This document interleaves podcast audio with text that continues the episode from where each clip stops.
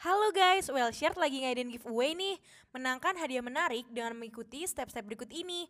Jangan lupa untuk subscribe, komen, like, dan share video-video kita. Pemenang akan diumumkan pada tanggal 16 Oktober 2020 di akun Instagram at wellshare.co. Pastikan kalian juga sudah follow Instagram kita ya. Semoga beruntung. Nah, apakah 100% benar? Bisa dibilang sampai sekarang kita sudah publish ratusan ribu konten. Ya, so far ada yang pasti yang merasa oh ini kurang benar, kurang benar, tapi 99,9% Ya. berita kita benar. Saat ini, media merupakan salah satu sumber informasi yang dapat diakses oleh semua kalangan. Tidak terkecuali masyarakat yang pekerja harian ataupun di lapangan, seperti penjual makanan, juru parkir, dan lain-lain.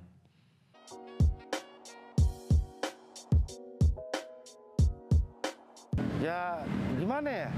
Kalau kita belum pernah lihat wujud aslinya gimana ya? Korbannya pun kita belum pernah lihat sampai sekarang. Karena kan diberitakan sekian ribu, kita kan itu kan cuma di berita. Ya aslinya kita kan belum pernah melihat.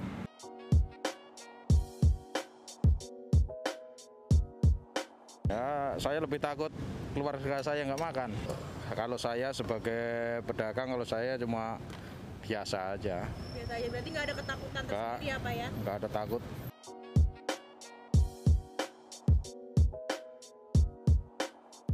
Ya sangat berpengaruh untuk media massa itu berpengaruh banget besar. Karena, karena informasi semua kita kan dari media massa, dari online-online kita kan.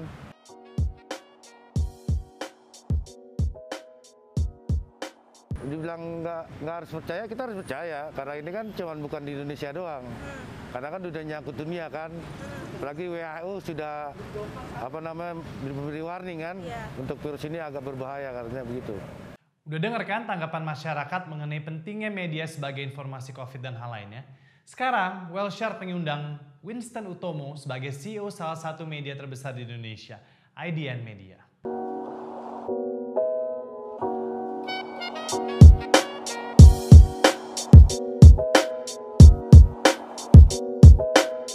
Hai guys, selamat datang kembali ke Wellshare. Jadi hari ini kita mau membahas tentang industri media terutama di COVID. Jadi sekarang kan kita lihat banyak ya berita, dikit-dikit COVID, itu COVID. Cuma kadang kita lihat mana sih berita yang benar, Kalau untuk corona, ya kita tahu nggak tahu ya, kita tahunya cuma dari media massa aja. Hmm. Bapak sering nonton berita gitu nggak Pak tentang corona? Tak matiin. Kenapa Pak dimatiin? Iya. Ya biar nggak ketakutan. So, eh, hari ini kita mengundang eh, salah satu eh, media terbesar di Indonesia. Langsung loh CEO-nya sendiri. Jadi kita ada eh, dari IDN Media dengan CEO-nya eh, Winston Utomo. Thank you bro udah datang, eh sorry gue yang datang ke lo malah.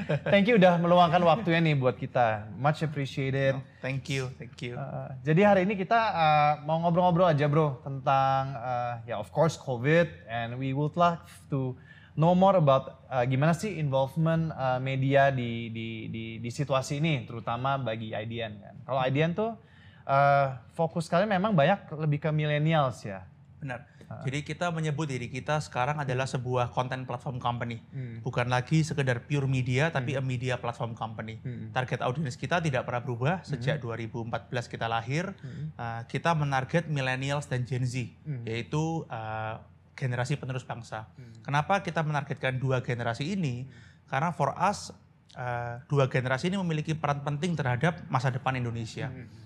Seperti yang sudah diberitakan, adalah 2045 Indonesia bisa menjadi negara dengan ekonomi terbesar keempat atau menjadi a high income country. Yes, high income country adalah GDP 12.000 US dollar ke atas. Sekarang Indonesia GDP 4.000 US dollar. Almost 5,000. Ya, 4 ribuan ya US dollar. Artinya masih uh, cukup jauh.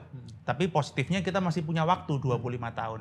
Dan yang bikin kita semangat adalah uh, Indonesia sekarang adalah mengalami demographic bonus. Artinya orang yang mempro- yang produktif usianya lebih banyak daripada orang yang tidak produktif. Oke. Nah, artinya we can actually achieve uh, GDP yang dibutuhkan untuk menjadi a high income country. Hmm. Tetapi ketika kita gagal dan di 2045 kita belum mencapai itu, kita bakal forever become a middle income country. Yes. Kenapa? Karena kita akan memasuki aging population, Mhm. yaitu usia orang yang tidak produktif lebih banyak daripada usia orang yang produktif. Oke. Itu mengapa saya sangat yakin dan uh, percaya bahwa kita sebagai generasi muda, generasi milenial, Gen Z uh, memiliki peran penting untuk empower satu sama lain agar kita sebagai negara bisa mencapai uh, uh, negara maju, high Oke. income country. So that is the vision of dulu lo pertama bikin IDN ya. Yes, benar 2014. So how how do you actually uh, you know uh, manage to spread the message to people about you know managing risk with COVID and and you know everything related to it? Karena kan gue ngelihat sekarang di di Indonesia terutama masih not everybody wears mask. Belum semua orang tuh wear kayak nggak boleh tos-tosan dan segala macam. But uh, I, I'm just curious about khususnya you know media companies or maybe IDN tuh how, how how do you actually uh, try to educate them on that point ya? Yes. I think the bigger challenge that we face right now adalah uh, imbalance dari uh, informasi dan populasi. Artinya apa? 95% orang Indonesia tidak tinggal di Jakarta. Yes. Namun 95% konten itu tentang Jakarta di media. Artinya apa? Orang di luar Jakarta tidak memiliki akses to quality information. Artinya ada information gap yang sangat besar. Nah, eh, dan Indonesia sekali lagi bukan hanya Jakarta, karena Jakarta cuma 5% dari populasi Indonesia. Ya. Nah, ini adalah menjadi challenge bukan hanya kita sebagai media company maupun tapi sebagai sebuah negara.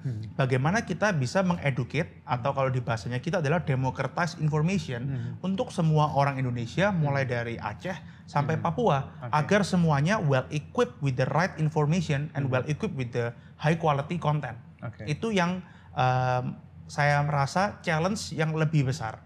Nah, challenge ini lebih challenging lagi ketika adanya COVID. Ya kan, ketika adanya COVID, misinformasi banyak, misleading information banyak, awareness setiap orang berbeda-beda. Kita juga tidak bisa sepenuhnya menyalahkan masyarakat itu sendiri. Ya. Karena tingkat edukasi berbeda, tingkat eh, ko- konten yang mereka konsumsi juga berbeda-beda, background mereka berbeda, transparansi dari yang memberikan informasi, ya kan, kecepatan orang yang memberikan informasi juga berbeda-beda. Jadi su- sudah ada challenge di information gap, ditambah lagi dengan uh, COVID ini, ya semakin besar challenge-nya akhirnya terjadi seperti uh, sekarang. Banyak sekali misleading information atau uh, masyarakat Indonesia tidak dibekali dengan informasi yang tepat. Akhirnya mereka tidak aware seberapa uh, bahayanya dan seriusnya COVID-19 ini sih. Oke. Jadi kalau kita lihat banyak berita-berita COVID kan mungkin lebih kayak apa ya, lebih kayak instruktif atau scientific atau apa. Nah. Kan tadi kan lo mention you want to democratize ya your message gitu ya. Hmm. Itu biasanya upaya gimana sih bro untuk democratize itu apa dibikin lebih lebih casual atau dengan uh, konten-konten yang lebih relevan dengan you know tadi Gen Z, milenial itu itu Benar. seperti apa? Nah, jadi mungkin aku jawabnya di dua bagian. Bagian pertama adalah apa yang kita lakukan di IDN agar kita bisa meng-create uh, konten yang relevan buat pembaca kita. Uh, berbeda dengan uh, media pada umumnya, makanya kita menyebut diri kita media platform karena 40% konten kita itu adalah user generated content. Yes. Jadi siapa pun uh, bisa menulis konten.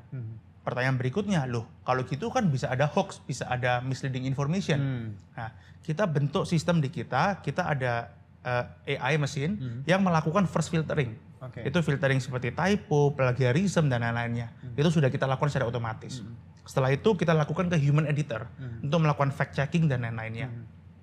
Setelah melakukan kurasi beberapa tahap, kita barulah publish. Nah, apakah 100% benar? Bisa dibilang sampai sekarang kita sudah publish ratusan ribu konten. Ya, so far ada yang pasti yang merasa oh ini kurang benar, kurang benar, tapi 99,9% Ya. berita kita benar seperti Yes, itu. yes, Ya kan? Terus yang kedua adalah bagaimana kita bisa uh, menyampaikan ini uh, membuat konten yang relevan kepada pembaca. Banyak sih. Kalau yang dulu 2015 kita pertama kali lakukan, kita ciptakan listicles. Itu 2015. Listicles itu kayak berita itu ada satu, dua, tiga, empat, lima.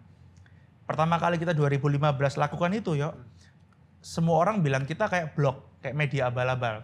Kayak ya kayak blog-blog biasa lah. Iya, iya, Ya kan? Tapi for me, I think it's how to make a relevant content. Kenapa? Kita, kamu, aku, all the young people, setiap hari dia buka apa di handphonenya? Instagram, Facebook, TikTok. TikTok, ya kan? Semua, all, all- semua adalah eh, platform yang bentuknya tuh listicles. Gambar, im- ga- image, caption image, caption image, caption, dan kita spend berjam-jam di platform tersebut. Iya. Artinya secara nggak langsung kepala kita sudah terdoktrin untuk mengonsumsi konten harus dengan cara begitu. Sedangkan yang secara sebelumnya itu apa? Satu gambar semuanya teks. Ini Iya. caranya siapa? Caranya koran. Koran kan satu gambar Ya, art ya, ya. semua. Ini buat Koran boomer segala bener ya. didigitalkan. Mereka menganggap ini harus pas buat millennials loh. Hmm. Ini nggak ada hubungannya dengan millennials. Kita yang yang artinya harus beradaptasi, bukan millennialsnya atau bukan Gen Z-nya. Hmm. Ya media, brand, perusahaan Ya. yang harus beradaptasi karena kebutuhan akan informasi tidak pernah berubah. Hmm. Akan selalu sama. Yang berubah adalah cara kita mengonsumsi konten tersebut, Hmm. mengonsumsi informasi itu yang berubah sih. Oke oke oke.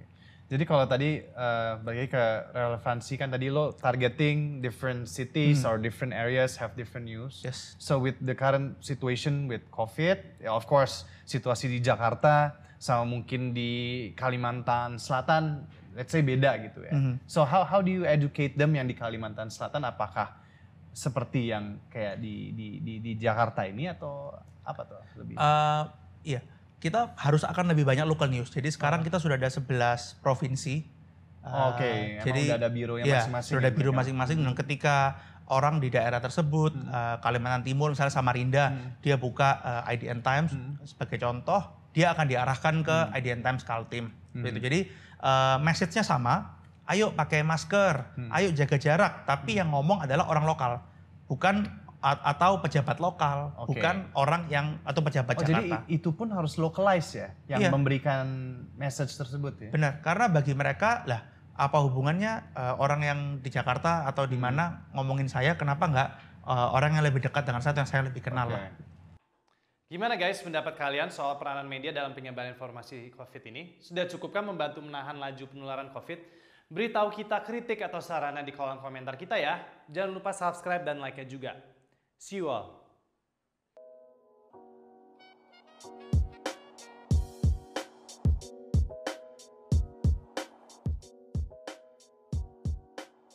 Thank you untuk menyaksikan Wellshirt sesi ini. Jangan lupa untuk subscribe YouTube kita Wellshirt dan juga follow Spotify kita.